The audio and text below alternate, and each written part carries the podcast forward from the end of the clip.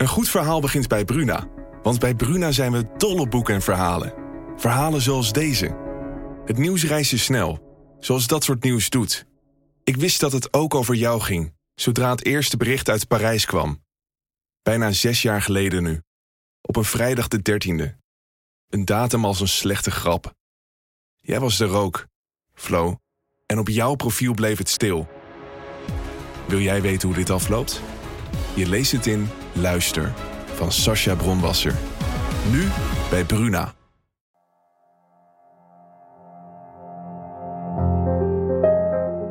Dit is de politieke podcast van de Telegraaf.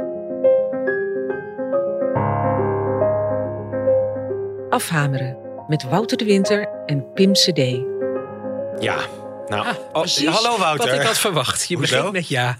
Ja, Net als in het oude jaar. ja, zo is het dan maar. Ja. ja, maar dat is ook, ook het gevoel op die vrijdag aan het eind van weer een politieke week. En nu is het eigenlijk een extra diepe ja. Mhm. Want we zijn er weer even uit geweest. Onze luisteraars hebben natuurlijk smachtend gerefreshed. Ja, maar Nou, we hadden we- aangekondigd Ja. dat we dus er even tussenuit moesten gaan. Want Ja. bedoel, de boog kan niet altijd gespannen zijn. Zo is het En ook. ik moest echt weg. Dus eh, Maar ja, die boog kan dan niet altijd gespannen zijn. En dan heb je zo'n reces. En dan verwacht je dan misschien dat die boog weer rustig aangespannen wordt. Maar hij staat weer strak. ja, maar jij Nogal. bent lekker... eh, ja, ben je nou bruin geworden? Ja. Nee, tegenwoordig eh, skiën, eh, ja, excuus eh, luisteraars, heel decadent. Maar je skiet natuurlijk met een helm en zo'n grote skibril. Dus er is weinig ruimte in het gezicht meer over om bruin te worden. Maar ik zag wel beelden van mensen die aan het skiën waren. En Ja. die echt schitterend weer hadden. Ja, Maar dat had jij niet. Want zo'n skibril doe je alleen op als het echt blizzard is. ja maar joh, met, met, met kinderen en mijn moeder was mee. Dan ben je natuurlijk, Oh. heb je weinig tijd om, om rustig op het terras te gaan zonnen. Ben je wel uitgerust? Ja, wat is uitgerust. Dit is voor mij uitrusten. Heerlijk. Gewoon Nou. een uur over de politiek praten, toch?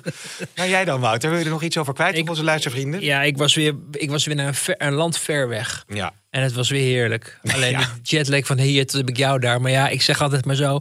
Als het geen jetlag he- heeft, dan heb je ook niet echt vakantie gehad. Nee, is dat zo? Over decadent gesproken. God, nou inderdaad, nou, dat, ja. die verwachting heb ik waargemaakt. Want ik ben er nog steeds een beetje eh, gesloopt hoor. Maar, eh. Maar goed, het is, eh, het is leuk. En eh, we hebben er weer zin in. Want er is natuurlijk weer ontzettend Ja. veel gebeurd. Ja, ongelooflijk hè. Hoe gaat het met, eh met Dylan? Ja, Hoe staat ze erop? nou niet zo goed. Nee. Nee, het was een. een, een, een, een het is toch een beetje een aaneenschakeling van, van dieptepunten aan het worden. Haar leiderschap. Hè. Ik heb nog geen hoogtepunt meegemaakt. We hebben natuurlijk verloren verkiezingen gezien. De ene dag nog veronderstellend dat ze minister-president zou worden. Eh, en een paar dagen later eh, ja, derde geworden, 24 zetels. 26, 27, 28 was nog genoeg, genoeg om premier te worden. En 24 was kennelijk eh, voldoende om gelijk eh, de gedoogrol op te zoeken. Nou, dat leidde alweer tot heel erg veel rumoer in de achterban. Toen kregen we natuurlijk nog die gekke motie. Ja. waarin de Eerste Kamer werd opgeroepen om die eh, behandeling van die spreidingswet maar even op de plank te leggen. Ehm, waarmee ze dus eigenlijk de Tweede Kamer de Eerste Kamer ging aanschrijven of zo. En dat was op haar voorspraak. Dus kennelijk vond zij het heel belangrijk dat de Eerste Kamer eh, het niet zou doen. En natuurlijk vervolgens de Eerste Kamer die dan unaniem, die Eerste Kamerfractie, haar eigen partijgenoten onder aanvoering van haar, haar collega uit het kernteam, hè, het, het leidinggevende team van de VVD, eh, Edith Schippers, die dan unaniem zich niet laten overtuigen, kennelijk door de partijleider. Kortom, eh, weer een, eh, een dieptepunt. Eh, dus dat gaat niet lekker. Nee.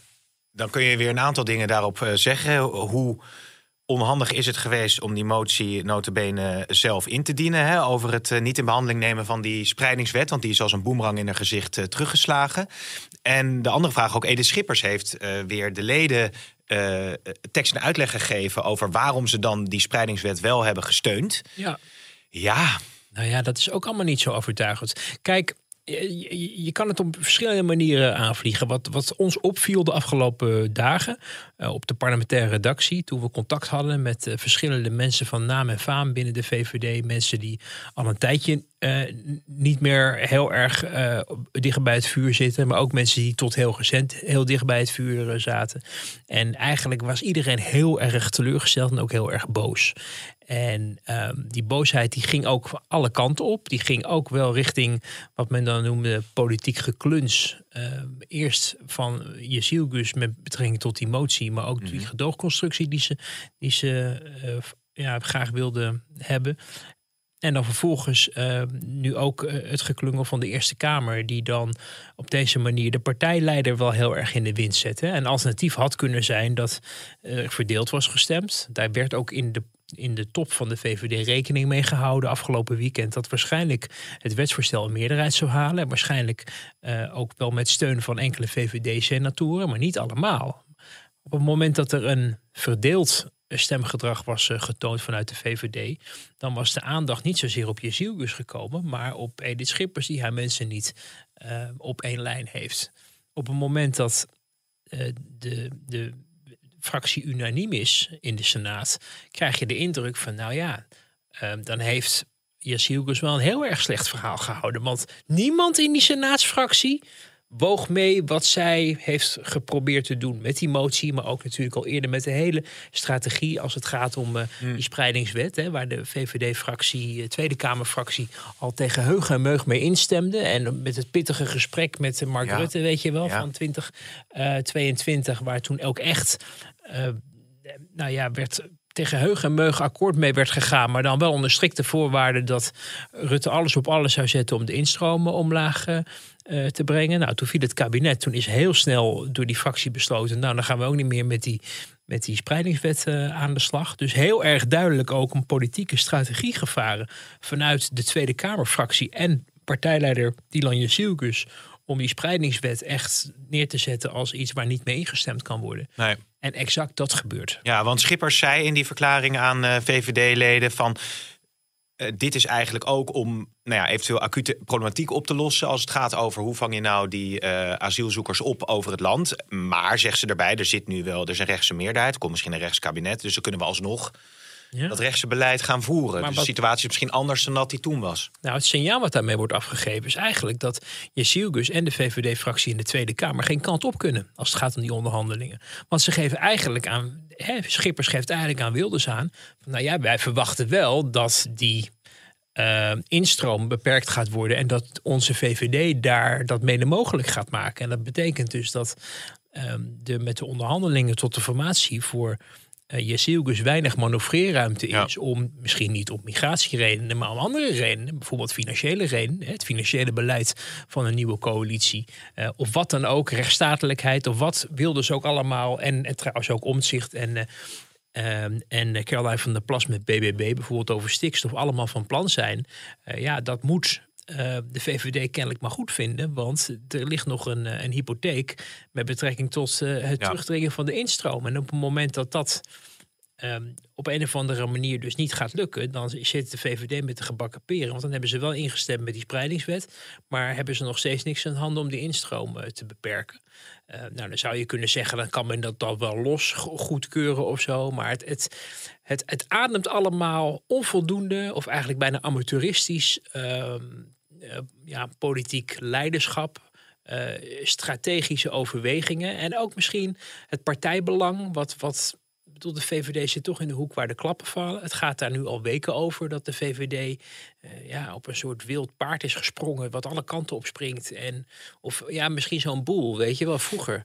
Weet je nog, die, die, die Tros Spelshow? Oh ja, ja, ja, ja, ja, ja. Maar die, die, die nepstier waar je dan op kon zitten en die ging steeds alle kanten op. Ja. ja. mensen, we gaan terug naar het jaar. Ja, nou, ja, dus de, de, de, de, hoogtijdagen van de tros was dat. Ja, ja, ja. Maar in, in Amerika heb je dat in, in de zuidelijke staten en Texas volgens mij nog steeds dat je op zo'n ja. op zo'n stier kan klimmen en dat je er dan weer vanaf kan halen. Nou ja, dat is een beetje wat de VVD uh, eh, is geworden en de geest is ook uit de fles. Hè. Dus je ziet en je, je spreekt ook mensen die op verschillende manieren het uh, eh, de problematiek ook aanvliegen. Ook mensen die heel erg uitgesproken tegen iedere, iedere samenwerking zijn eh, met de PVV. Eh, andere mensen die juist zeggen van dit is onze kans, die moeten we grijpen. En het is voor Jezielkus natuurlijk ook heel moeilijk om die verschillende kampen aan elkaar te blijven verbinden. Zeker omdat ze natuurlijk net nieuw is en nog niet heeft kunnen laten zien dat ze ook een winnaar is. Wat Rutte op een gegeven moment natuurlijk wel kon VVD-achterban, VVD-kader heeft zich jarenlang koest gehouden, omdat er alleen maar gewonnen werd. Dus er waren de grootste partij, er waren veel baantjes te vergeven en er was geen reden om die koers bij te stellen. Ook al gebeurden natuurlijk toen al dingen waarvan je je afvraagt van, was dat eigenlijk allemaal wel zo handig? En in zee gaan met allerlei partijen, nou ja... Ehm, maar ehm, even, even terug naar, uh, naar, naar, Schippers. Ja, die heeft uh, denk ik toch onvoldoende. En misschien is hij ook wel een beetje te, te lang weg geweest uit Den Haag. Uh, er zit een soort idee bij die Eerste Kamer van, nou ja, die waan van de dag, daar trekken we ons allemaal niks van aan. En wij beoordelen de wetsvoorstellen wel op de inhoud. Nou ja, dat is natuurlijk een nobel streven. Maar je weet gewoon van de afgelopen jaren ook dat de Eerste Kamer ook een politiek uh, ja, gewicht in de schaal kan leggen. En, en af en toe ook, uh, zeker ook door de linkse fracties, wordt ingezet als een, ja, als een tool om het politieke doel te bereiken. Hè. Er is heel vaak gedreigd vanuit links de afgelopen jaren dat begrotingen moesten worden aangepast. Want anders ging PvdA GroenLinks in de Eerste Kamer tegenstemmen. Dus de concurrentie doet het wel. En de VVD-senatoren, waaronder natuurlijk bijvoorbeeld een oud burgemeester die heel erg uitgesproken vindt dat de burgemeesters uh, dat er goed naar geluisterd moet worden. Ja, die, dat weegt dan kennelijk het zwaarste.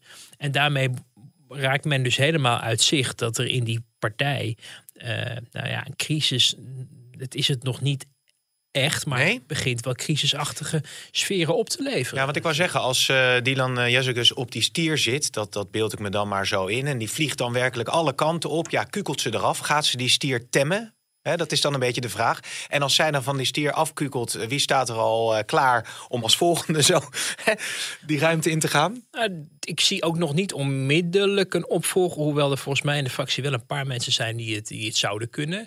Nu van, van stier of paard wisselen is, denk ik, uh, ja, dat is eigenlijk dan. Nu van de ruiter wisselen is, denk ik, ook wat, wat ontijdig. Uh, ze verdient misschien ook nog wel uh, wat meer tijd. Hè. Ik bedoel, Rutte was in de eerste periode, toen hij net leider was geworden, natuurlijk ook niet een, een daverend succes. Maar ze zou bijvoorbeeld iets aan de entourage kunnen doen. Hè. Die heeft zich gewoon geërgerd van, van de voorganger. Het is eigenlijk Sophie Hermans, een hele kliek die er nog steeds zit.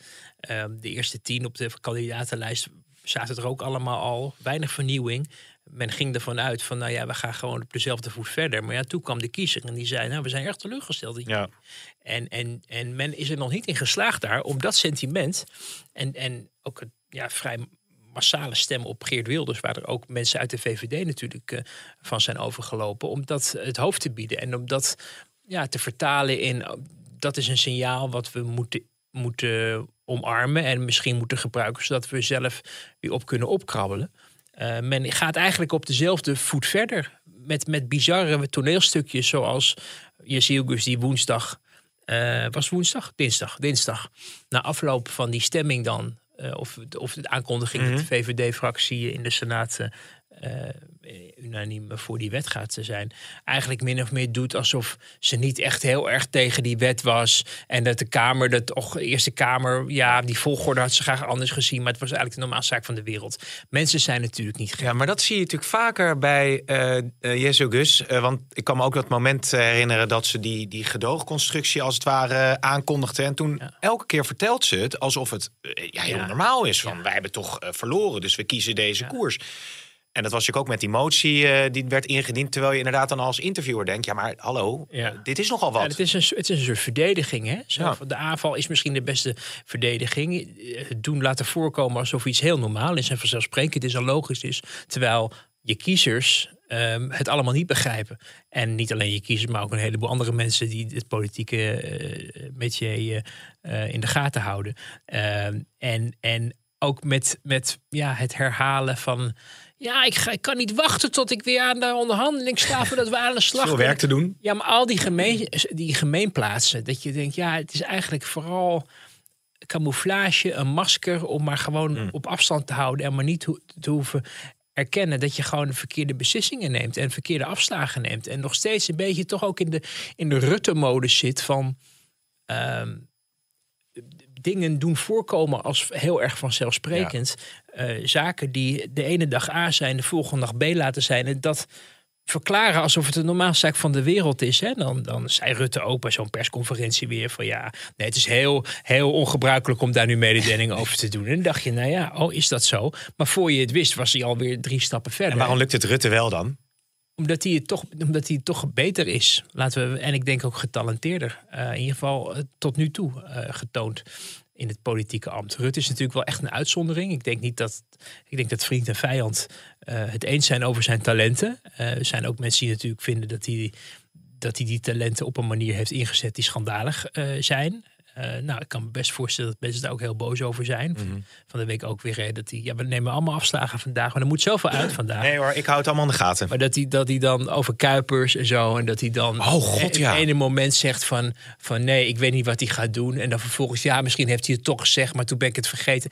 Weet je, het is, het is ja, het is oh, zo, en heel normaal allemaal. Van het een op het andere moment, nee, ik heb niet over Pieter Omzicht binnenskamers gebaar, totdat, het, totdat hij niet anders meer kan en het zwart op wit staat. Dan is het, oh ja, toch wel. Weet je, dat soort zaken uh, nou, dat, toen kwam er ook natuurlijk een beetje de klad in, hè, toen dat patroon ja. een beetje zichtbaar werd. En, en um, ja, ik denk dat de, dat de VVD-top uh, te veel bezig is met het beeld en veel te weinig met de inhoud. Veel te bezig met het spel en strategieën voeren ja. en, vo en, vo en, denken vooruit te schaken, maar dan vergeten dat er ook nog kiezers zijn ja. die er misschien ook nog wat van vinden. Want als je dan uh, strategie uh, voert en bezig bent met het beeld, pardon, dan moet je het wel goed doen natuurlijk. En dat uh, lukt op dit moment niet. En, en je moet weten en, en ook zeker een, een toch gerede kans maken dat je gelijk gaat krijgen in, in, ja, in de beslissingen die je neemt. Hè. Dus je kan wel stelling innemen en je kan wel iets vinden en je kan wel iets nastreven. Maar je moet dan ook wel zicht hebben op ja. hoe, waar je dan precies uit wil komen. En als jij op hoge poten in de Tweede Kamer een motie indient. waarin je zegt. De Eerste Kamer moet het maar even niet doen, want wij willen het allemaal niet. En vervolgens, een paar weken later, zeggen je eigen senatoren unaniem.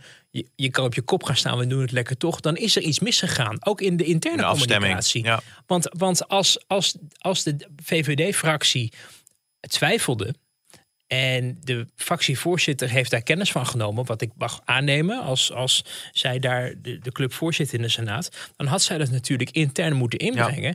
En ook moeten zeggen: luister, pas op wat je ons vraagt. Want uh, ik weet niet of we kunnen leveren straks. Dat zou een logische gang van zaken zijn als je met elkaar afstemt welke, welke strategie je gaat bewandelen op dit voor de partij toch heel belangrijke onderwerpen. Ook nog eens een eigen bewindspersoon ja, boven de markt hangt. Nou ja, ik wou het even. Ja, er komen ook wel alle dingen uh, bij me op. Want we gaan het zo meteen, uh, luisteraars, nog even hebben over Kuipers, over Oesloe, over Kaag, die natuurlijk vertrokken zijn.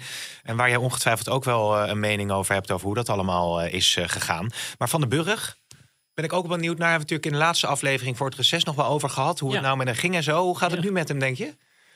Hij wordt nou, in ieder geval door links op het schild gegeven. Ja, als nou zijnde de beste staatssecretaris op dat dossier uh, in de afgelopen periode. Ja, ja, ja, ja.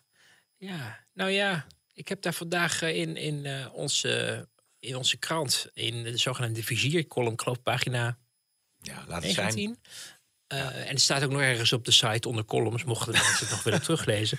Maar ook een beschouwing over gegeven. Dat uh, ooit de D66-leider mij toevertrouwde. Uh, aan sommige tegenliggers herkent men de juiste weg. En dat was op het moment dat mensen heel erg te hoop liepen tegen D66 omdat ze wat vonden. Toen nou, dat is precies de bedoeling. Want dan weten we dat we op het goede spoor zijn als dat soort mensen zich tegen ons uitspreken. Nou, het omgekeerde is denk ik ook waar. Hè? Op het moment dat mensen die uh, ja, voornamelijk je politieke tegenstanders zijn, eigenlijk voortdurend in, in, in Den Haag, uh, maar die bijvoorbeeld ook moord en brand zag schreeuwen toen. Uh, de PVV de verkiezing had gewonnen. En die met, zoals Thierry Aarts het deze week zo mooi omschreef, met vaccinelichtjes wakens hielden om te zeggen hoe erg het was dat mensen van hun democratische stemrecht gebruik hadden gemaakt, maar niet op de partij van Frans Timmermans hadden gestemd. Um, ja, dan, dan, en als die mensen je allemaal lopen te prijzen op wat, uh, hoe geweldig je wel niet bent, uh, terwijl je van een partij bent die een andere afslag wil nemen, ja, ik weet niet of je dan heel erg lekker in je vel zit. Ik snap wel dat, er, uh, dat hij, hij heeft natuurlijk een verantwoordelijkheid als, als bewindspersoon om, om, om een probleem het hoofd te bieden. Hè? Dat is niet zo gek. Hij moet het asieldossier in goede banen leiden. Dat betekent aan de ene kant beleid ontwikkelen om bijvoorbeeld iets aan de instroom te doen. Nou, ja. daar hebben we de afgelopen jaren vrij weinig van gemerkt. Sowieso vrij weinig visie op, op, um, op het migratiedossier van Erik van den Burg. Maar hij was ook een groot deel van zijn tijd kwijt met het blussen van branden en het ja. opbellen van burgemeesters en gemeenteraden, wethouders om te zorgen dat het draagvlak was voor extra opvang. Um, dus die had het ook zeker druk. En Um, maar als je dan op deze manier uh, ja, je probeert politiek ook te overleven. En in een fractie zit waarin jij, jij dus ook de handtekening zet. En een partijprogramma waarin je zegt dat datgene waar je mee bezig bent eigenlijk niet goed is.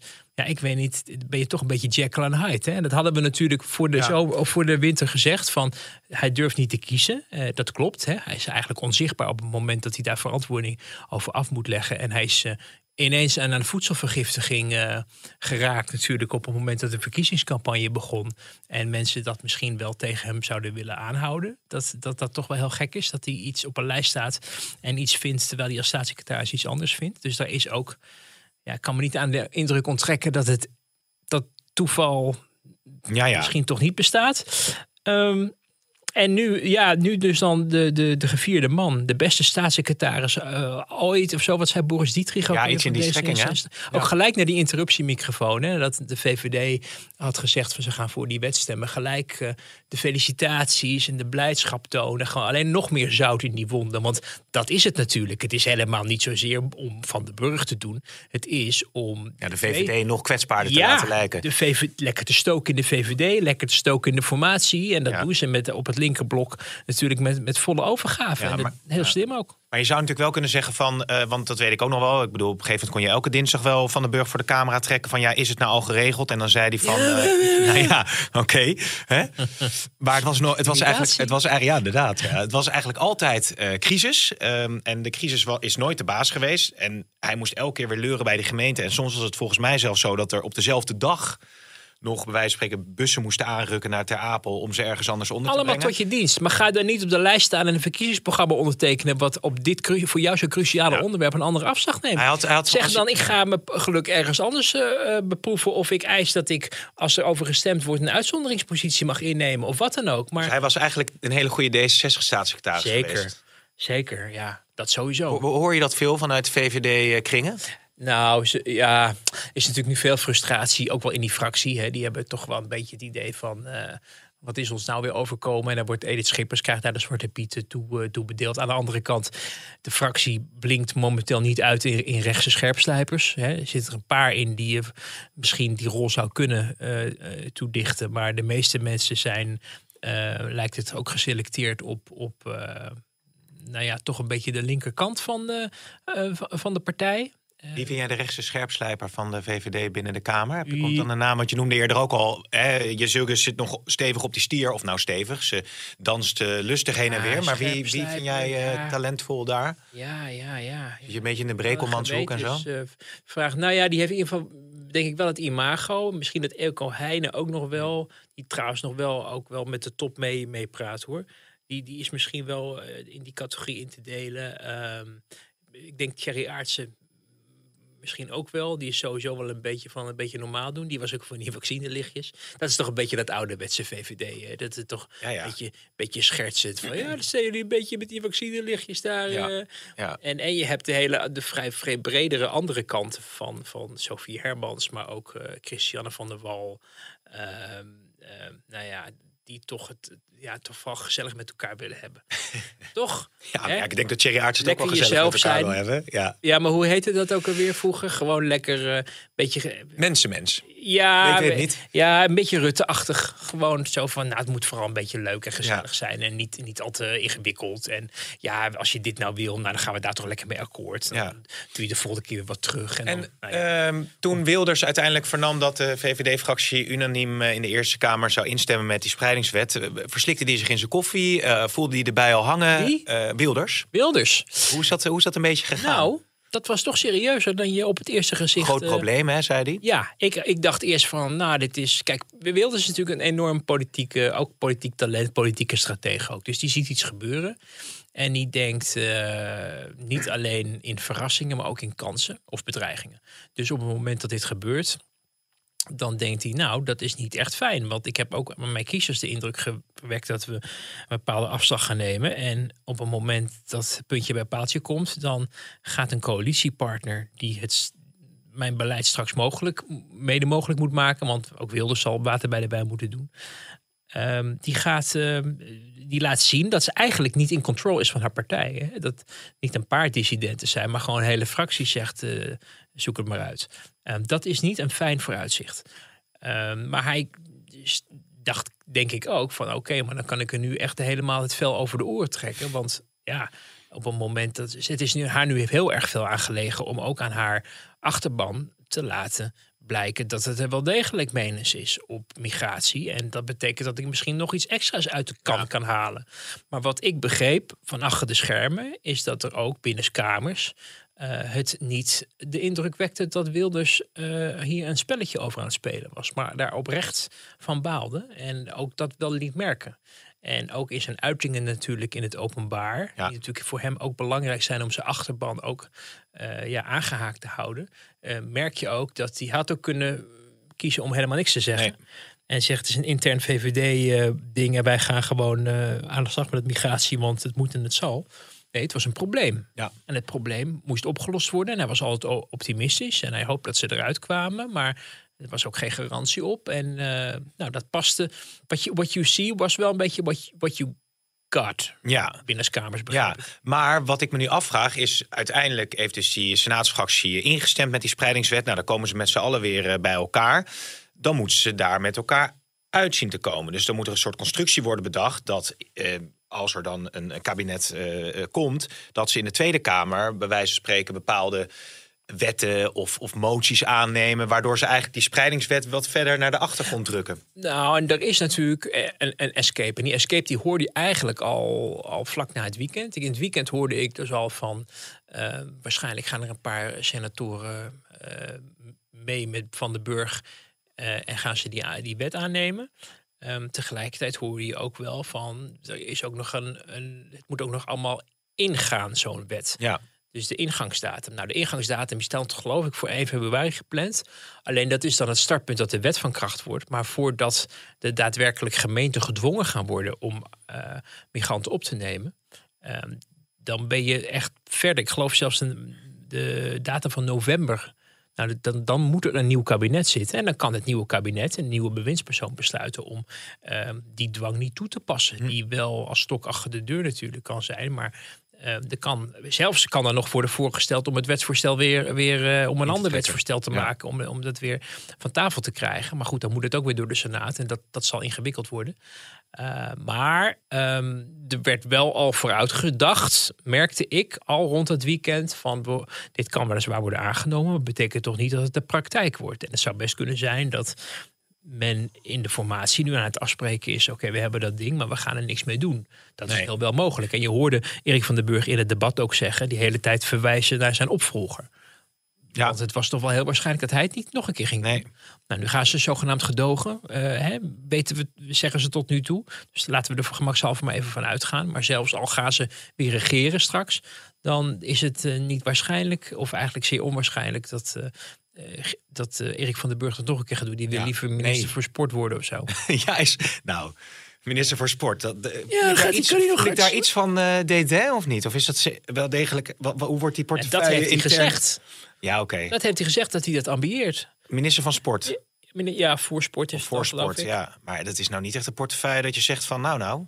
Nee, zo dus kijk ik er dan naar. Nee, je... maar dan moet je nog iets anders doen. Hij heeft wel een achtergrond in, in, in, in het zorgdossier. Uh, Met alle respect zeg ik overigens voor de sportwereld, maar...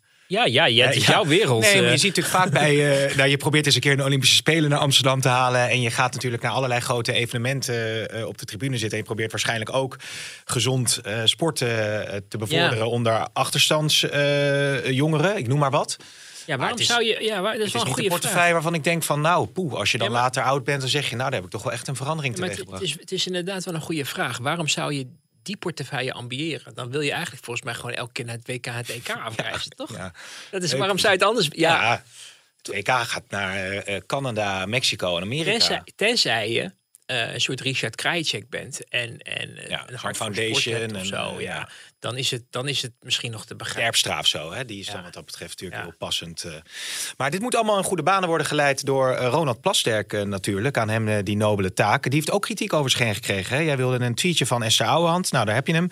De rechtsstaat verdedig je. Daar ga je niet over onderhandelen. Dat ondermijnt diezelfde rechtsstaat. Plasterk lijkt zich bovendien niet aan de afspraken te houden. Hoogste tijd om de achterkamertjes te verlaten en opheldering te geven. Nou ja, Timmermans had ook al kritiek geuit. Dus je ziet dat Plasterk op die manier wordt aangevallen. Ja, dit is dus van Esther Ouwehand. Ja. Die heeft dus samen met uh, Timmermans en ik geloof uh, Laurens Dassen van ja. Volt. Twee zetels tegenwoordig overigens. Nou ja. Um, in, in, in een brief weer heeft gestuurd naar Plasterk dat er allemaal opheldering moet komen. Of alles en nog wat. Dat hadden ze van de week eerder ook al gedaan. Toen heeft Plasterk een kort briefje geschreven en, geschre en gezegd van nou alles gaat, gaat zoals het de opdracht is gegeven. Um, maar ja, zij zitten heel erg op dat punt van er zou eerst over de rechtsstatelijkheid worden gesproken en vervolgens zou verkend worden of er uh, voldoende vertrouwen is dat je het op, ik geloof, zes punten het wel met elkaar eens kan worden. Uh, en dat, dat proces wordt dan kennelijk door links beschouwd als het eerst het een dan het ander. Dat mag niet gecombineerd worden. Plasterk houdt vol dat hij zich nog steeds aan zijn opdrachten houdt. Maar ik viel vooral over ja, toch twee elementen in, die, in, die, in, zo'n tweetje dan. Eerst natuurlijk het, het idee dat de Tweede Kamer uh, een informateur vraagt om een ja, coalitievorming te begeleiden. Eerst om te verkennen en vervolgens die coalitievorming te begeleiden, onbezoldigd. Dat kostte weken, maanden. Je eigenlijke werk staat, staat opzij. En, en er wordt toch een suggestie gewekt. Terwijl je dus als Tweede Kamer in meerderheid iemand vraagt om dat te doen. Mm. Uh, dat je eigenlijk een soort politieke pion bent. Dus dat jij niet uh, bezig bent om ja. iets te doen wat die Kamer wil en wat ze je hebben gevraagd, maar dat je met een soort geheime agenda bezig bent. Dat je leugenachtig uh, aan, het, aan, het, aan het doen bent. Het, is schijn. Het, het, is, het, het ademt allemaal wantrouwen en, en achter, achterkamertjes. Ja, wat denk je dat er gaat gebeuren als de, uh, de dierenpartij uh, in het kabinet gaat zitten? Denk je dat we dan worden uitgenodigd voor, voor koekjes en, en, en, en melk nou, elke, elke dinsdag om tien uur? Nou, en dat melk dan, weet ik niet hoor. Uh, hoe heet het? Havermelk. Havermelk. Soja. Ja, whatever. En dat je dan gewoon acht uur lang gaat, gaat zitten kijken hoe Nico Kofferman en, en Esther Ouwehand en wie ze allemaal nog meer heeft ingeschakeld om uh, kabinetsvorming uh, te doen. Uh, allemaal jou laten meeken. Ik bedoel, het is, het, het, is, het is bedoeld om te beschadigen. Om een sfeer te creëren. Ook van, ja. Nou ja, om iemand af te schilderen als ja. van ja, hij deugt eigenlijk niet. En ik vond dat, ik, ja, ik vond dat een. Uh, er wordt heel veel gesproken over dat je de, de instituties moet bewaken. Dat instituut is ook de Tweede Kamer. De Tweede ja. Kamer moet in haar eigen functioneren ook vind ik, opletten dat ze niet uit de bocht vliegen. En dat ze niet uh, sowieso met wat we allemaal hebben gezien met, met Khadija Ariep. En dat hele, dat was natuurlijk ook heel beschadigend allemaal voor het instituut Tweede Kamer. Uh, ze hebben zelf bedacht, we willen de formatie op deze manier uh, doen. Ja. De koning moet eruit. Dit moet allemaal op deze manier gebeuren. En, en wat doe je? Iemand is binnen de de daarvoor aangegeven termijn, namelijk tot begin februari, bezig om zijn opdracht uit te voeren. En je gaat hem de hele week, ga je hem, alsof hij een soort minister is, ga je hem allemaal kamervragen stellen. Die hij dan maar weer kennelijk, ik weet niet, om twee uur s'nachts moet gaan beoordelen. Want hij heeft immers de hele dag lopen doen wat de Kamer aan hem vroeg om te doen. Kortom, ik vond dat, ik vond dat niet sterk. En um, ja, uh, ook wel een beetje jammer. Want uh, bedoel, laat ze, laat ze met elkaar praten. Het kan best zijn dat het mislukt, hè? En dan, maar dan is er in ieder geval gesproken. Ik zeg ook nog steeds niet dat het tot een succes gaat leiden, deze, deze hele gespreksronde. Maar het is een, toch een bijzondere manier van, van uh, bijna wanhopige manier van oppositie voeren. Als je dan vervolgens de informateur maar allerlei kwaadaardigheid gaat toelichten. Ja, ja, misschien gaat er niet om dat het plastic is, want dat ook een andere. Oh ja, dat wou ik zeggen. Is het omdat het plastic is? En dan natuurlijk ook, je weet nog met Timmermans toen de vraag van leest u de columns van plastic? Nee, die lees ik niet, zei hij. Nou ja, je kan je niet aan de indruk onttrekken dat, dat men gewoon een hekel heeft. Zeker bij de PvdA. Althans, bij, bij Timmermans, want niet iedereen in de PvdA heeft een hekel aan plastic. Zeker niet. Maar Um, aan zijn opvattingen dan wellicht. Of hoe hij zich uit als columnist. Want als, als, ik, als mens. Weet je hoe het over hem gesproken werd door, nou? door hoge. Ho, of nou ja, niet een. Hij, is niet, ja, hij, is ook, hij doet nog wel iets hoogs ergens in. Ergens, nou ja, laat ik niet al te veel details geven. Maar, oh, um, oh diegene, ja. Ja, die, die dan. Die dan uh, op een gegeven moment hoorde ik namelijk dat Plasterk de, de verkenner zou worden. En dat kwam uit hele onverwachte hoek. Want het kwam uh, via de PvdA. Oh ja. En, en, um, en toen dacht ik van. En, en dat, ik begreep dat dat intern ook niet uh, uh, zo was omschreven als het woord plasterk. Ehm, maar het wordt een telegraafcolumnist. Oh ja. ja. je weet het. Dat zijn de Nou, allerergste ja, natuurlijk. ja, die zijn erg, ja. En, en dat vond ik Oh, ja. zo veelzeggend. Want toen dacht ik bij mezelf, ja, zo kijk je dus naar de wereld. Je kijkt dus niet naar iemand die al decennia lid is van je eigen club. Groot minister is geweest, eh, financieel woordvoerder, Kamerlid, eh, een gevierd columnist. Wetenschapper. Eerst bij de Volkskrant, toen, toen nu bij de, bij de Telegraaf. En inderdaad, wetenschapper van heb ik jou daar. Slimmer dan jij en ik en het hele pad bij elkaar opgeteld ongeveer. eh, als het gaat om, om zijn expertise. En, en dan, ga je, ga, je, nou ja, dan ga je op deze manier over hem praten. Dat geeft aan hoe men ehm, ja, Ja. tegen hem aankijkt. En ik, ja, ik weet niet of de man dat verdient, volgens mij niet. Smeer jij eh body lotion in je haar eigenlijk? Ja, ja, ja, we razen door, Wouter. Body lotion. Ja, dat was het toch?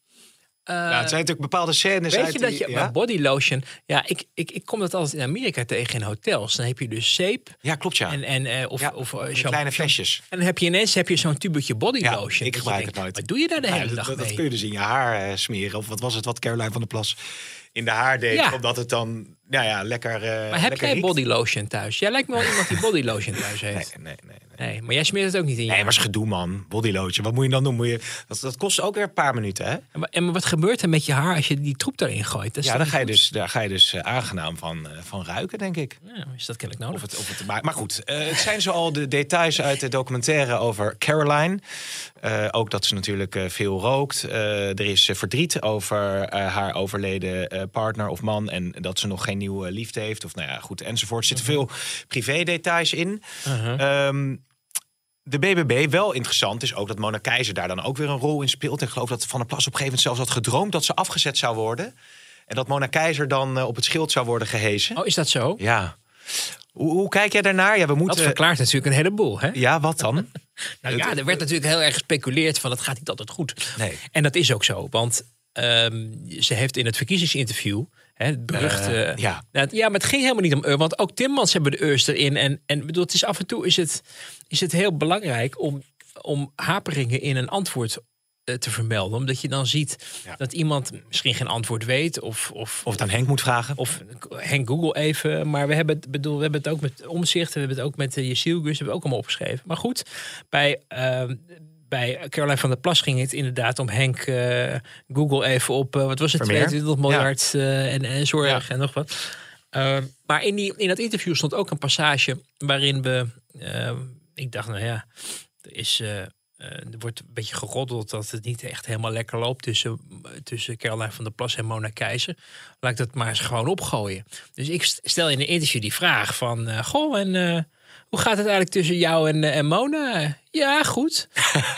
en ik denk, oh, is niet laatst nog eh, ergens ruzie over geweest? Pure gok, hè? Gewoon dat ik denk, nou, eens kijken waar het schipstrand. En waar Rempel? Ja. Ze vertelt, ja. ehm, we hadden onlangs wel ergens moeite mee, want eh, toen was er een motie van een of ander Kamerlid dat vroeg om een onderzoek naar dit of dat in te stellen. En toen zei Caroline van der Plas, nou prima, daar gaan we wel voor stemmen. Zij was toen nog als enige eh, het Kamerlid eh, voor BBB.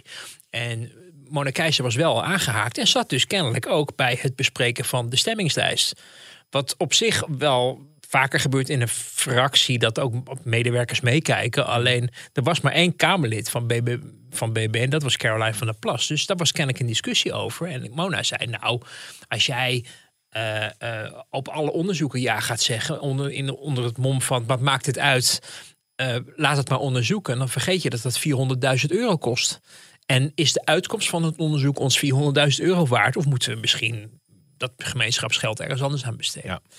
En ehm, zo zie je bij Mona Keizer vaker dat zij ja, een beetje de ratio probeert terug te brengen in een eh, ja, wat volkse, populistische, Opportunistisch misschien een beetje. opportunistische manier Ja. van politiek eh, bedrijven. Dus ik heb dat toen in het interview gevraagd. Zij heeft het toen beaamd van ja, ja, inderdaad. eh, Mona was laatst was wat even lastig. En ehm, je ziet dus wel vaker dingen gebeuren daar. Dat je merkt dat, dat Mona er ook het, het haren van denkt. Hè? En het meest recente voorbeeld was misschien ook in het debat van de week over de begroting van de koning. Waarin Ja. dat voorstel kwam vanuit D66 natuurlijk, dat de koning belasting zou moeten betalen. En dat er min of meer werd gefantaseerd dat daar nu ruime uh, twee derde kamermeerderheden voor waren om de grondwet te veranderen. Nou ja, de eerlijkheid gebied te zeggen, ook Mona Keizer zei in dat debat dat ze eigenlijk misschien wel vond dat de koning belasting moest betalen. Maar toen je dan vervolgens Rutte de hele argumentatie daarbij hoorde geven van nou ja, er is, hè, dat, dat kost enorm veel uh, ingewikkeld energie, heel erg ingewikkeld erfbelasting sowieso al. Voor het oranje vermogen, wat, dat wat generatie op generatie gewoon is doorgeschoven. En ooit van Emma was. En toen van Willemina. maar even een naheffing. Ja, ja, nee, maar, ja en wie? En wie, aan, wie, aan wie ga je dat dan? En gaan de kleinkinderen van, van, uh, van, uh, van Irene dan ook aangeslagen worden? En van Christina en, en hoe? Hmm. En, kortom, dat wordt een enorme exercitie. En dan ga je de koning in inkomen halveren. Hij krijgt nu iets meer dan een miljoen. Wat hij vrij mag besteden voor ja, eigenlijk als toelage voor zijn koningschap. Hè. Je hebt ook nog iets van 5, 6 miljoen voor de hele hofhouding en alle andere tierlantijnen. Maar een miljoen is gewoon het, hè, wat, wat, wat, min of meer jouw salaris, nou niet dat je een miljoen krijgt, maar wat je als salaris dan uh, uh, gewoon voor, voor leuke dingen mag, mag uitgeven. En um, ja, ga je dat dan, als je dat gaat belasten tegen het hoogste tarief, ja, dan ben je ongeveer de helft kwijt, hè? Ja. Nou, misschien iets minder, maar, maar dat betekent dus dat hij ineens van een miljoen naar 500.000, 600.000 gaat. Ja, ja uh, is dat dan de bedoeling? Is het rechtvaardig en is het wenselijk? Want wat gaat er gebeuren op het moment dat de koning vindt dat hij uh, te weinig krijgt? Um, hè, we hebben gezien dat zijn grootvader toen met vliegtuigbouwers is gaan praten om te kijken of. dus, dus dat is ook allemaal iets wat je misschien ook in ogenschouw moet nemen. En je merkte dat, dat Mona Keizer ehm, in dat debat toch wel een beetje begon te twijfelen. Ook al had ze zelf, en ik heb het er verdorie zelf nog gevraagd deze week: van hoe sta jij er tegen? Kijk jij tegenaan? En zij verwees naar het verkiezingsprogramma. En daar mhm. stond: de koning moet belasting betalen. Dus weet je, het, is, het, het was. Het was ehm, eh, al gedurende het debat zag je haar denken van ja, dit wordt wel ingewikkeld. En ik kom ook niet aan de indruk onttrekken, omdat we weten dat zij de premier, dan wel vicepremier kandidaat is voor BBB. En er komt een, een, een kabinet. Voor hetzelfde geld wordt zij of is zij straks mede verantwoordelijk voor het uitvoeren van deze wens? En hoe gaat dat? Dus die dacht misschien ook al een beetje vooruit van nou krijg ik dat straks op mijn bord, terwijl het bijna onmogelijk is om dit in goede banen te leiden. Dus die begon terugtrekkende bewegingen te maken. En uh, nou ja, het is vooral voor de Senaten interessant omdat BBB uh, eh, wel nodig is voor een tweederde meerderheid om dit dan uh, doorheen te krijgen. Alleen is de vraag of BBB in tweede lezing, zoals het dan heet, van de grondwet, om dat in te voeren, nog steeds die cruciale positie heeft in de Senaat als ze nu hebben. Kortom, lange termijn uh, muziek, maar de, de moraal van het verhaal is dat Mona ehm, de meest ervaren politica is in die club. Niet voor niks ook samen met Caroline van der Plas de onderhandelingen doet. En uh, eh, BBB af en toe behoedt voor dingen die op het eerste gezicht een heel goed idee lijken maar als je er even over nadenkt, misschien uh, niet voor niks uh, zou zijn afgesproken. Ja. Maar de BBB wil natuurlijk wel, hè, als het om de formatie gaat. Hoe schat jij nu de kansen in dat ze, nou ja, goed, binnen aanzienlijke termijn er toch met elkaar uit gaan komen? Dat is een beetje een moeilijke vraag natuurlijk. Maar... Nou, het is, en het is ook een hele lastige. Want, oh, dat is hetzelfde natuurlijk. Ja. ik hoorde daar nog verschillende berichten over. Kijk, je zou, ja, je zou kunnen zeggen, het, als men praat gaat het goed. Hè? Dat is een beetje, zolang men blijft praten, zelfs als er weer een, een rimpeling is in, de, in, de, in, in het meer. Uh, of in de vijver, zoals we nu deze week hebben gezien met die spreidingswet. Ze zaten nog twee dagen later nog met elkaar te praten. En ze gaan maandag weer verder. Dus er is kennelijk reden om dat niet ja, cruciaal te laten zijn voor de gesprekken. Um, je hoort van Kamerleden uit die combinatie. Ehm, het idee van nou, het gaat wel oké en het kan wel eens sneller gaan dan je zou verwachten. Dat ze het met elkaar eens worden. Ook al moet je nog ook de hoorde nemen van wat voor kabinet wordt het dan. Zaken, extra parlementair of wat, wat, wat voor hobby Pieter Omtzigt allemaal in gedachten heeft daarover. Ja, hij zal het zelf geen hobby noemen, denk ik. Hè? Nee, maar het is, het is allemaal nobel streven. Maar je ziet bijvoorbeeld, maar daar hebben we het zo over met wat er gebeurt met ministers die weinig binding hebben met een politieke partij. Die kiezen voor zichzelf op een gegeven moment als het, als het ingewikkeld wordt. Ja. Of, of saai, zoals Ernst Kuipers, die gaat lekker weg. Ja. De een op de andere dag. Ja. En, en um, dus, dus dan is de vraag, hè, dan, dan is dat hele ja, moraliteitsbeginsel van je bent toch verantwoordelijk voor het landsbestuur. Je moet het misschien afronden alvorens je iets nieuws gaat doen.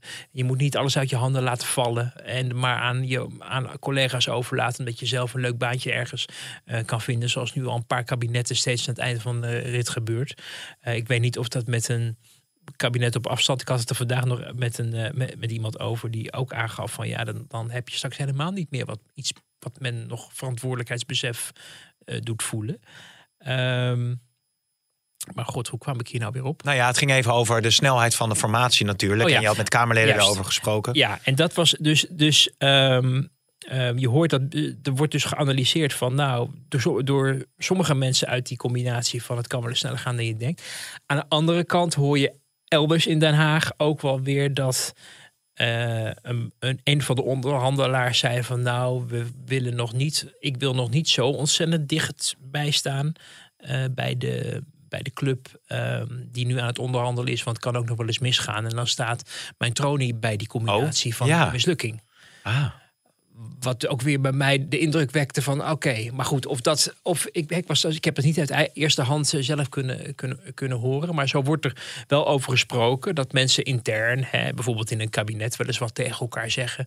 Zit natuurlijk ja. nog wel wat, wat, hè, wat VVD'ers natuurlijk in het, in het kabinet die nog met collega's van andere partijen praten. Die zijn natuurlijk ook al heel benieuwd. Allereerst maar om te horen wanneer hun baan ophoudt te bestaan. En dan wordt er wel eens ja, een Kremlin-watching gedaan. En als je dan het enthousiasme hoort of het gebrek daaraan van vanuit de VVD, uh, eh, bewindspersonen, dan wordt er bij andere partijen al snel een conclusie getrokken van nou, weet ja. nog niet of het een succes ja. gaat worden. Ja, het is, nog enigszins uh, terughoudend een beetje uh, in deze fase. Maar ja, goed, laten we dat dan maar als afsluiting uh, doen. Want dat is toch wel heel interessant. Um, als we het hebben over de vertrekkende ja. winstlieden. Ja. Dat ging in één keer heel snel. Nou, Oesloe was natuurlijk eerst Hoekstra daarvoor eigenlijk al natuurlijk naar Europa uh, gegaan. Kaag, die we onlangs ook al het een en ander zagen zeggen als VN-gezant in Gaza. Ja, dat speelde dus al voor de kerst. maar ze wisten wel dus dat het al ging gebeuren. Ehm, hoewel ze pas op de 9 januari of zo begon. Toen moest ineens op tweede kerstdag naar buiten. En dat had te maken, begreep ik, met het feit dat er in New York in een of ander document of resolutie of, of verslag of rapport al uh, melding werd gemaakt van het feit dat Kaag dat ging doen. En toen moest ze nog aftreden of haar aftreden aankondigen. Daardoor moest dat ineens allemaal zo snel. Hoewel uiteindelijk dat rapport ook pas later dan tweede kerstdag bekend werd. Dus achteraf dacht men ook van misschien had dat wel iets later gekund.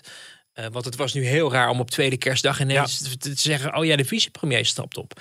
Nou, dat werd allemaal in, in kabinetskringen natuurlijk wel met begrip ontvangen. Omdat we weten dat Kaag al heel lang weg wil. Ze was ook in de race voor het Eurocommissariaat. Mooie functie natuurlijk, of een waardevolle functie. Ja, ze wilde altijd naar de VN. Er is natuurlijk al. al uh, nou ja, al heel lang was zij met een soort internationale sollicitatieronde bezig. Ze was vaker in het buitenland en in Den Haag leek het. In de ministerraad was er nog wel, maar persconferentie die liet ze lekker allemaal aan Karin van Gennep over. Uh, dus die was totaal uitgeklokt eigenlijk bij het Haagse ja. metier en wilde zo snel mogelijk weg. Dus voor haar fijn dat dat gelukt is, hoewel het natuurlijk toch best bizar blijft dat je als vicepremier ineens. Uh, nou, het zijn hele belangrijke functies. Hè? Uh, Kuipers, volksgezondheid, financiën, Kaag, buitenlandse zaken, natuurlijk Hoekstra. Dus wat dat betreft zijn het ja. nogal portefeuilles die dus voordat termijn helemaal voorbij is, ja, ja. ja achterge. Ja, en Hoekstra is natuurlijk een geval apart, omdat men vindt dat hij dat vooral voor zichzelf heeft geregeld en verder ja, er doorheen is gaan banjeren. En met hulp van de, de christendemocraten in Europa. Van Kaag weet men dat ze weg wilde. En zij was eigenlijk de veronderstelde eurocommissaris. Daar had men zich ook al op voorbereid. Van Rutte weet men, uh, die wordt misschien NAVO-baas. Dat begrijpt eigenlijk iedereen ook wel. Mhm. Zelfs vanuit de oppositie hoor je dat hij daar dat hij dat gewoon moet, moet doen als het, als het lukt.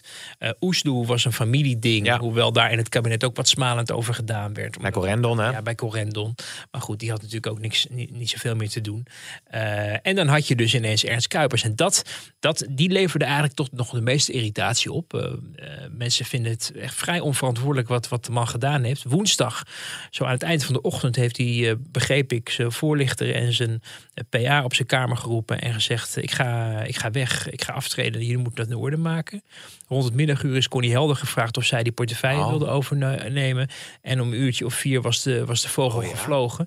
En hield hij zich ook onbereikbaar voor de MP, voor de. eh, voor de SG van hè, de hoogste ambtenaar van VWS, voor de SG van eh, AZ. Zo wordt in kabinets- eh, en coalitiekring eh, gesteld.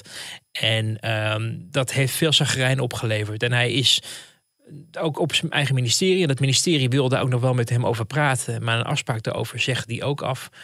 Kortom, die is, die is op een vrij abrupte manier vertrokken. En er wordt zelfs beweerd dat hij ook nog geen nieuwe baan heeft. Zo. Die gooi je er ook nog even in. Maar het was toch een, eh, een belangrijke baan in het buitenland? Ja, en dat doet een beetje vermoeden dat er misschien eh, een, een, een, een soort sollicitatieronde of zo zou sluiten. En dat het noodzakelijk was om dan onmiddellijk ehm, eh, daar nog eh, eh, ja, eh, een poging toe te doen. Maar dat het nog niet duidelijk is of de man het ook echt zal worden bij die organisatie. En we weten dat Maar waarom blijf je dan niet gewoon? in het, nou, omdat dan het belangenverstrengeling eh, aspect Oh ja. kan spelen. Omdat, eh, begrijp, hij heeft eerder natuurlijk al, het was in Azië, of Japan of Singapore. ehm, ergens ver weg in, in Azië alles belangstelling aan hem, eh, naar hem is getoond. Maar hij werd toen minister. En dat zal ongetwijfeld nu onmiddellijk weer zijn gebeurd. En ehm, nou ja, dat het dat op het moment dat dat gaat spelen, je eigenlijk al met dubbele petten bezig bent. Ja, ja. Dat je eh, als minister verantwoordelijk bent voor het beleid wat bijvoorbeeld. Er werd iets beweerd over vaccinaties. Ik weet niet of dat het per se is. Ja. Maar laten we gemakshalve Ja. zeggen: oké, het zijn de vaccinaties. Daar ging hij als minister over. En op het Ja. moment dat je, dat je weet dat je ergens gaat werken. Waar die dat belangen, gaat stel dat je grote orde aanneemt, ik noem maar wat. En ja, gaat- dan, dan, dan is het zaak om, om dat. eh, ja, dan, dan, dan kan je er last mee krijgen. In ieder geval eh, is er misschien een moreel eh, probleem. Dus er is, de, de- dus, maar dat is op een manier gegaan waar ja, mensen echt, echt, nou, echt kwaad over zijn. En ook eigenlijk zo min mogelijk woorden aan eh, proberen vuil te maken. Eh, en zijn partij natuurlijk ook overvallen daarmee. Want die was al bezig met het dichten van gaten. Kaag Ja. moest vervangen worden. Oestoe moest vervangen worden. Vonden ze. Had natuurlijk helemaal niet gehoeven. Hè, want zoals een winstpersoon mij eh, toevertrouwde dit weekend. De portefeuille van Fleur eh Greber heet ze geloof ik. ja, ja. Een nieuwe... ja, die Jette heeft aangewezen als opvolger nog van, even. van, ja, als staatssecretaris eh, van Media en Cultuur. Die, die, is, eh, eh, die kan je net zo goed op een vrijdagavond doen. Nou, En dan heb je de rest van de week vrij. er is nogal wat aan de hand bij de publieke omroep. Ja, je- ja, maar ja, dan kun je als demissionair eh Nee, maar we denken altijd dat, dat eh, op een of andere manier dat omdat dat onderdeel is van de portefeuille, dat dan de bewindspersoon, of het nou minister is of staatssecretaris, dan de hele dag in Hilversum zit om met mensen te bellen. Zo is het natuurlijk helemaal niet. Hè. Dat is een zelfstandige organisatie en de wetgeving wordt in Den Haag gemaakt. En af en toe is er een gesprek over bezorgdheid, over eh, grensoverschrijdend. grensoverschrijdend gedrag. En dan wordt mensen op het matje geroepen, maar het stelt echt geen reet voor die hele portefeuille. Nou, echt waar? Ja, dus, dus dat, is, dat kan je er makkelijk bij doen. Dus dat er een aparte bewindspersoon wordt ingehuurd, voor ingehuurd. It's crazy. It's crazy, zeg ik je. Wij zijn hier eventjes bewindslieden, of in ieder geval portefeuilles eh, aan het eh, rangschikken op Ranking de... intensiteit. eh, Ja, ranking the department. Eh, maar goed, Oesloe inderdaad weg. Wat, nog één En- dingetje? oh, nog, mag ik nog één ja, ding zeggen ja, erover? nee, je mag wel meer zeggen, maar we gaan Nee, wel afronden zo. Ja, we moeten, moeten We afronden. zo over Jordan Henderson hebben nog, Wouter. Nee, nee, even, maar, maar zo'n zo'n minister. Je hebt dus twee ministers van onderwijs, namelijk, hè, op, nog op dat dep- departement. Ja. Die, hebben, die zitten nu demissionair, dus is heel beleidsarm. Die mogen namelijk niks meer. Die moeten op de winkel passen. En dat onderwijsveld, ja, het is niet zo dat de scholen ineens niet meer open gaan. omdat het kabinet is gevallen. Dus dat gaat gewoon door. En daardoor hebben die mensen voldoende tijd om gewoon de ene doet media, de andere Ja, doet die had het er even bij kunnen pakken. Ja, had best Ja, gekund. Maar Jet heeft dat zo eh, besloten. Die zat natuurlijk, waar ik toch nog wel even benieuwd ben, zat in Argentinië. Argentinië. Ja. Dat was natuurlijk tijdens eh, het reces ook. ja. Best wel veel over te doen geweest. Alleen maar aan de telefoon. Eh, Ja, nou ja, Vervelend vond hij het, begreep ja, ik. ja, maar het feit dat hij in Argentinië zat, vind jij daar nog wat van? Nou, Want het de meningen verschillen. Hè? Van aan de ene kant zeg je van, nou ja, vind sowieso dat mensen klimaatminister mag best lekker op vakantie gaan Ik waar hij vind dat mensen wil. op vakantie moeten. Dat doe ik, zelf, doe ik zelf ook. Ik vind ook dat mensen moeten, moeten, moeten vliegen. Eh, en hij heeft geloof ik daar ook een, eh, een relatie Ja. met een Argentijn en, en schoonfamilie. Hartstikke mooi toch? Hartstikke leuk Ja. liefde. Het enige wat, en dat is waarom er zoveel gezeik over is. Het is die partij die andere mensen de maan neemt dat ze zoveel vliegen. En dat ze zo ver weggaan. En ja, dat, dat wringt gewoon. Als je er zelf als partij nooit een punt van maakt dat mensen het vliegtuig pakken. En niet alleen maar vliegtaxi Maar hij compenseert, hè? Ja, waar, zijn die KLM-bossen eigenlijk van die compensatie? Weet jij waar ze staan? Amsterdam. Zijn ze allemaal in Brazilië of zo? Ja, dat denk ik, ja. Ja, ja. Dan moeten we al eh, de hele Amazone inmiddels mee gevuld zijn, denk je niet? Nee, goh. Altijd van die raar, ja. Nou ja. Goed, oké. Nee, dus het is, het is vooral, weet je, ja, Het is moeilijk, iets moeilijker uitlegbaar als je, als je notabene klimaatminister bent van een partij die deze maat, bepaalde maatregelen voorstaat. ja, maar ja, aan de andere kant, ik vind ook dat hij zijn schoonfamilie mag ontmoeten. Alleen ik zeg niet dat hij niet mag vliegen. Dat is, de, dat is deze. Maar D66 zegt niet dat je niet mag vliegen. Nou, dat wordt wel erg. eh, Wordt, het moet alleen meer belast. nog een grotere, hogere vliegtax. Want dan gaan mensen minder vliegen. Ja, hij kan het betalen. Ja. Ja. Nou, zullen we het hier maar bij laten dan? Je wil nog één ding zeggen, toch? Of dit kan niet meer. nee. Wouter, dank Volgende voor week nu en volgende week weer.